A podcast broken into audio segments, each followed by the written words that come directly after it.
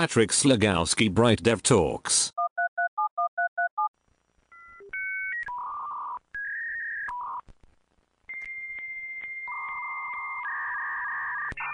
Cześć Patryk. Twoja 11-letnia kariera robi wrażenie. Od początku swojej kariery specjalizujesz się jako deweloper, a dodatkowo pracujesz z Kotlinem. Te doświadczenia zachęciły mnie do napisania do Ciebie i dzisiaj chcę zaproponować Ci zmiany zawodowe oraz pracę w... Jestem Patryk, to jest Bright Dev Talks, a przed chwilą słyszeliście fragment wiadomości, którą otrzymałem na LinkedInie.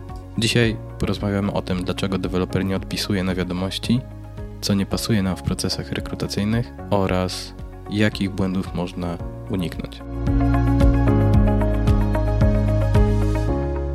Na początek opowieść. Ja lubię opowiadać, a historia jest związana z pierwszym miejscem, w którym miałem okazję pracować, a mianowicie minęło już kilka miesięcy pracy jako junior developer. Postanowiłem coś zmienić i zacząłem szukać jakiejś nowej firmy. Poszedłem na rozmowę do, już nie pamiętam jakiej firmy, ale nazwijmy ją super firma. Po rozmowie w super firmie, po powrocie do normalnych obowiązków, koleżanka, z którą pracowałem, koleżanka z działu HR, zapytała mnie, no, jak tam rozmowa poszła, czy mam zamiar opuścić teraz firmę. I wielce zdziwiony zapytałem w ogóle skąd o tym wie i, i zacząłem swoje małe dochodzenie i śledztwo. Dowiedziałem się, że rekruterka z super firmy zaraz po naszej rozmowie zadzwoniła do swojej koleżanki w mojej obecnej firmie, nazwijmy ją firmą matką, i wypytała o mnie jako o potencjalnego pracownika. Inna jeszcze krótka historia związana z początkami mojej pracy w IT jest związana z tym, że na jednej z rozmów w momencie już niemal podpisywania papierów został mi podsunięty do podpisania dokument, w którym zobowiązywałem się nie planować rodziny w najbliższym czasie. Jako młoda osoba pewnie bym to podpisał, gdyby nie głosy kolegów, z którymi przedyskutowałem to i dowiedziałem się, że to jest bardzo nieetyczne i nie powinno w ogóle mieć miejsca. I całe szczęście takie czasy są już za nami, więc wszystkie kolejne grzechy, które, o których będę opowiadał, na pewno nie są takiego kalibru, ale myślę, że warto nad nimi się pochylić. Grzech pierwszy, czyli szablony. W serialu Big Bang Theory w jednym z odcinków Sheldon próbował opracować algorytm na pozyskiwanie przyjaciół. Na podstawie książki Stude Kaketu is New at the Zoo właśnie próbował opracować ten algorytm i mam wrażenie, że dokładnie to samo robią rekruterzy na LinkedInie. Wiadomości, które od jakiegoś czasu pojawiają się w skrzynce, coraz częściej wyglądają na ewidentnie wygenerowane z korespondencji seryjnej. I o ile nie jest w tym nic złego, ponieważ trzeba sobie jakoś optymalizować pracę, tu ewidentnie nawet szyk zdania się nie zgadza. Poza tym, bardzo prostym sposobem na sprawdzenie, czy rekruter chociażby sprawdza wasz profil, czy jest ten interfejs białkowy między, między ofertą a wami, jest dodanie sobie jakiegoś specjalnego znaku na początku imienia i nazwiska na LinkedInie. Jeżeli dostaniecie wiadomość zawierającą właśnie ten znak o treści na przykład cześć, coś tam, Patryk, od razu wiadomo, że rekruter nawet nie przefiltrował odpowiednio listy z imionami. Czy mi to przeszkadza? Generalnie tak. W momencie, w którym ja w celach zawodowych kontaktuję się z kimś, za każdym razem staram się traktować sprawę bardzo indywidualnie. Drugim problemem jest oczywiście święty brak widełek. Generalnie rynek IT jest bardzo mocno uprzywilejowany w tej kwestii i to praca w większości goni za pracownikiem, a nie na odwrót. I w wielu przypadkach pracownik zwyczajnie nie odpowie na ogłoszenie rekrutacyjne, dopóki nie ma tam wyszczególnionych jasnych widełek. Nie ma się co oszukiwać. Wszyscy pracujemy dla oczywiście przyjemności z pracy, ale też dla pieniędzy. To nie jest nigdy efekt uboczny naszej pracy, więc dlaczego mielibyśmy tego nie brać jako jeden z głównych elementów pod uwagę podczas zmiany? Poza tym większość już jobboardów eksponuje m.in. właśnie widełki jako jedno z, naj, z najgłówniejszych informacji na, w ogłoszeniu. Coś, z czym się już kilka razy spotkałem, to jest mniej lub bardziej świadome wykupowanie pracowników z jednej firmy do drugiej przez firmę pośredniczącą. Może podam przykład. Swojego czasu pracowałem w projekcie dla firmy powiedzmy X. W tym projekcie pracowaliśmy z pracownikami firmy Y i w pewnym momencie dostałem ogłoszenie, zaproszenie do rekrutacji z firmy pośredniczącej do firmy Y. Dopiero po mojej odpowiedzi, że to jest podkupowanie pracowników, osoba po drugiej stronie przeprosiła i cofnęła ofertę. Niemniej pozostawia to lekki niesmak. Ale co się z tym wiąże, to kolejny grzech, czyli brak w ogóle informacji o kliencie w przypadku outsourcingu. I wyobraźmy sobie scenariusz, w którym pisze do nas pracownik z firmy pośredniczącej, wysyłający nam ofertę dotyczącą całego projektu, ale na bardzo abstrakcyjnym poziomie. W tym ogłoszeniu, w tej ofercie nie ma ani jednej informacji o tym wynikowym kliencie, o tym końcowym kliencie. Rynek lokalny jest na tyle mały, nawet w większych miastach, w większych aglomeracjach, że mimo wszystko pracodawcy się powtarzają. Jest to zwyczajnie niezręczne, jeżeli wziąłbym udział w procesie rekrutacyjnym do firmy, w której tak naprawdę na przykład miesiąc temu byłem na rozmowie. Często bywa tak, że nawet już po wyraźnej prośbie o informacje na temat klienta, tej informacji w ogóle nie dostajemy i firma pośrednicząca wykręca się kontraktem z klientem. Jasne, kontrakt się musi zgadzać, papier się musi zgadzać, natomiast ciągle korzystając z przywileju tego, że to praca szuka pracownika, a nie na odwrót, rekruter jest na przegranej pozycji, ponieważ w takim momencie większość z potencjalnych kandydatów zwyczajnie może odmówić dalszego udziału.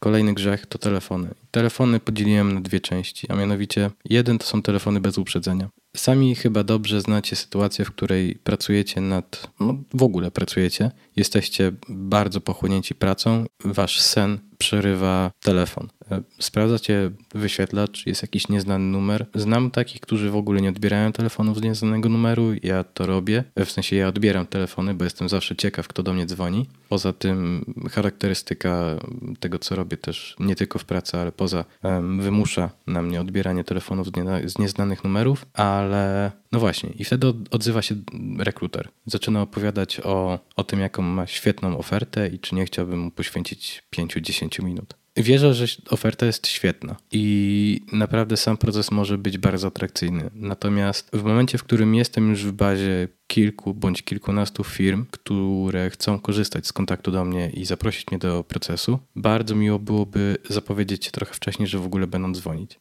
Może nie jest to jakoś turbo uciążliwe, natomiast byłoby na pewno to bardzo miłe i korzystając z potencjalnych zasięgów, które będziemy mieli w tym podcaście, chciałbym po prostu poprosić rekruterów, żeby wzięli to pod uwagę. Natomiast drugi podpunkt dotyczący telefonów już jest troszeczkę bardziej traktowany faktycznie jako, jako grzech, a nie prośba, a mianowicie są to telefony w godzinach tak zwanej pracy w biurze.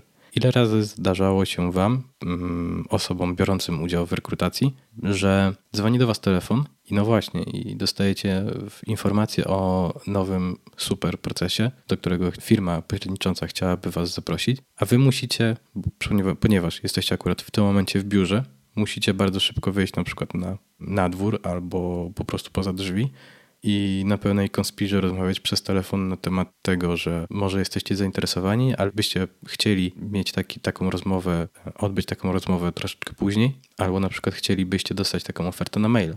Więc to jest zdecydowanie grzech. No ale przez to, że po drugiej stronie osoba z firmy pośredniczącej, bądź z firmy rekrutującej, bądź z firmy po prostu, która chce pozyskać pracownika, oni też pracują w godzinach pracy w biurze więc nie mogą teraz sobie pozwolić na to, żeby wykonywać telefony na przykład po 17, kiedy my skończymy pracę. Ale gdyby to połączyć właśnie z tym uprzedzaniem o wykonaniu telefonu, bo jeżeli mają twój numer telefonu, to na pewno też mają adres e-mail i nie byłoby żadnym problemem, żeby dać znać, że zadzwonią na przykład o 12, to jeżeli byśmy by bardzo chcieli, jeżeli byśmy byli na, bardzo nastawieni na ten proces, to zwyczajnie moglibyśmy zrobić sobie taką przerwę, żeby chociażby pod względem takim moralnym nie rozmawiać o nowej pracy, potencjalnej pracy w momencie, w którym jesteśmy w obecnej pracy.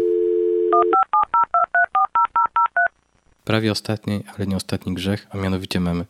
Wszędzie memy. Ile razy jako pracownicy, potencjalni pracownicy, widzieliście ogłoszenie, które ma być jednocześnie bardzo interesujące, bardzo atrakcyjne, ale też bardzo śmieszne.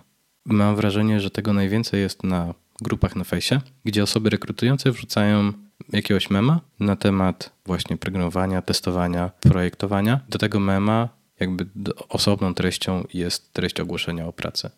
Jasne, to może było śmieszne 10 lat temu, kiedy memy były jakieś świeże i, nowe w Polsce, w polskim internecie. Natomiast teraz brzmi to trochę jak, odpowiem memem na mem, ale jest taki mem z, jak ten aktor miał na imię? Jest taki kadr z filmu z aktorem Steve Buscemi, gdzie Steve jako przebrany za młodego chłopaka, młodzieńca i odzywa się do reszty nastolatków na zasadzie siemaneczko, co tam? Jest to ten sam poziom boomerstwa, co wrzucanie memów do, do zdawałoby się profesjonalnego ogłoszenia dotyczącego rekrutacji. Ostatni, ale nie najmniej ważny grzech to jest agresywny marketing, natrętny mailing. Zdarzyło mi się w ostatnim czasie dostać kilka takich maili, gdzie osoba rekrutująca zaprasza do procesu i co 2-3 dni dostaje maila. Coś jakby wiąże się z tym punktem dotyczącym szablonów i automatów, ale dostaje maila co 2-3 dni ponaglającego z informacją: Hej, czy miałeś okazję zapoznać się z ofertą? Hej, wiem, że jesteś bardzo zapracowany, ale co byś może odpowiedział na, na ofertę? I jasne, to jest oznaka bardzo wysokiej kultury. Odpowiedzenie do takiego maila Natomiast zwyczajnie nie zawsze chcemy, nie zawsze przeczytamy, a nawet nie zawsze trafia to do skrzynki odbiorczej, tylko niektóre czasami już mogą lądować w spamie. A to jest powiązane z tym, że marketing taki od firmy rekrutującej do pracownika jest zwyczajnie nieefektywny i nieskuteczny. I przypominanie się co 2-3 dni w liczbie więcej niż dwa maile wydaje mi się już być dosyć agresywnym marketingiem i agresywnym mailingiem w stronę pracownika, potencjalnego pracownika. To jest kilka głównych punktów, które ja osobiście uważam za błędy w pierwszym kontakcie z pracownikiem, ponieważ tutaj jeszcze w ogóle nie złapaliśmy pracownika, tutaj jak na razie tylko i wyłącznie pokazaliśmy potencjalnemu pracownikowi, co mamy do zaoferowania w wielu przypadkach do zaoferowania jest bardzo mało. I to jest coś, o czym rozmawiałem z Mateuszem w odcinku, który najprawdopodobniej pojawi się jakoś bardzo niedługo po tym odcinku. A mianowicie rozmawialiśmy tam o firmie, która bardziej niż na marketing postawiła na propagandę. Zachęcam do poczekania na, na treść tamtego odcinka, natomiast tutaj uchylę rąbkę tajemnicy. Podpowiem, że tam chodziło o firmę, która bardzo mocno, bardzo dużo obiecała, a finalnie, jak się okazało, bardzo mało mogła dać firma bardzo mocno porównywała się do innych konkurujących firm na rynku, tym co może zaoferować potencjalnemu pracownikowi, natomiast można było w bardzo łatwy sposób zweryfikować to, że zwyczajnie w ofercie, w ogłoszeniu kłamią. Tak jak mówiłem wcześniej, rynek lokalny jest bardzo mały, bardzo niewielki, bardzo ciasny i opiera się o pracowników, którzy będąc troszeczkę dłużej w branży znają się bądź znają kogoś, kto zna kogoś. Sam bardzo mocno polecam sprawdzanie firmy pod kątem tego, co jest w stanie zaoferować versus to, co oferuje przez innego pracownika bądź osobę, która może znać takiego pracownika.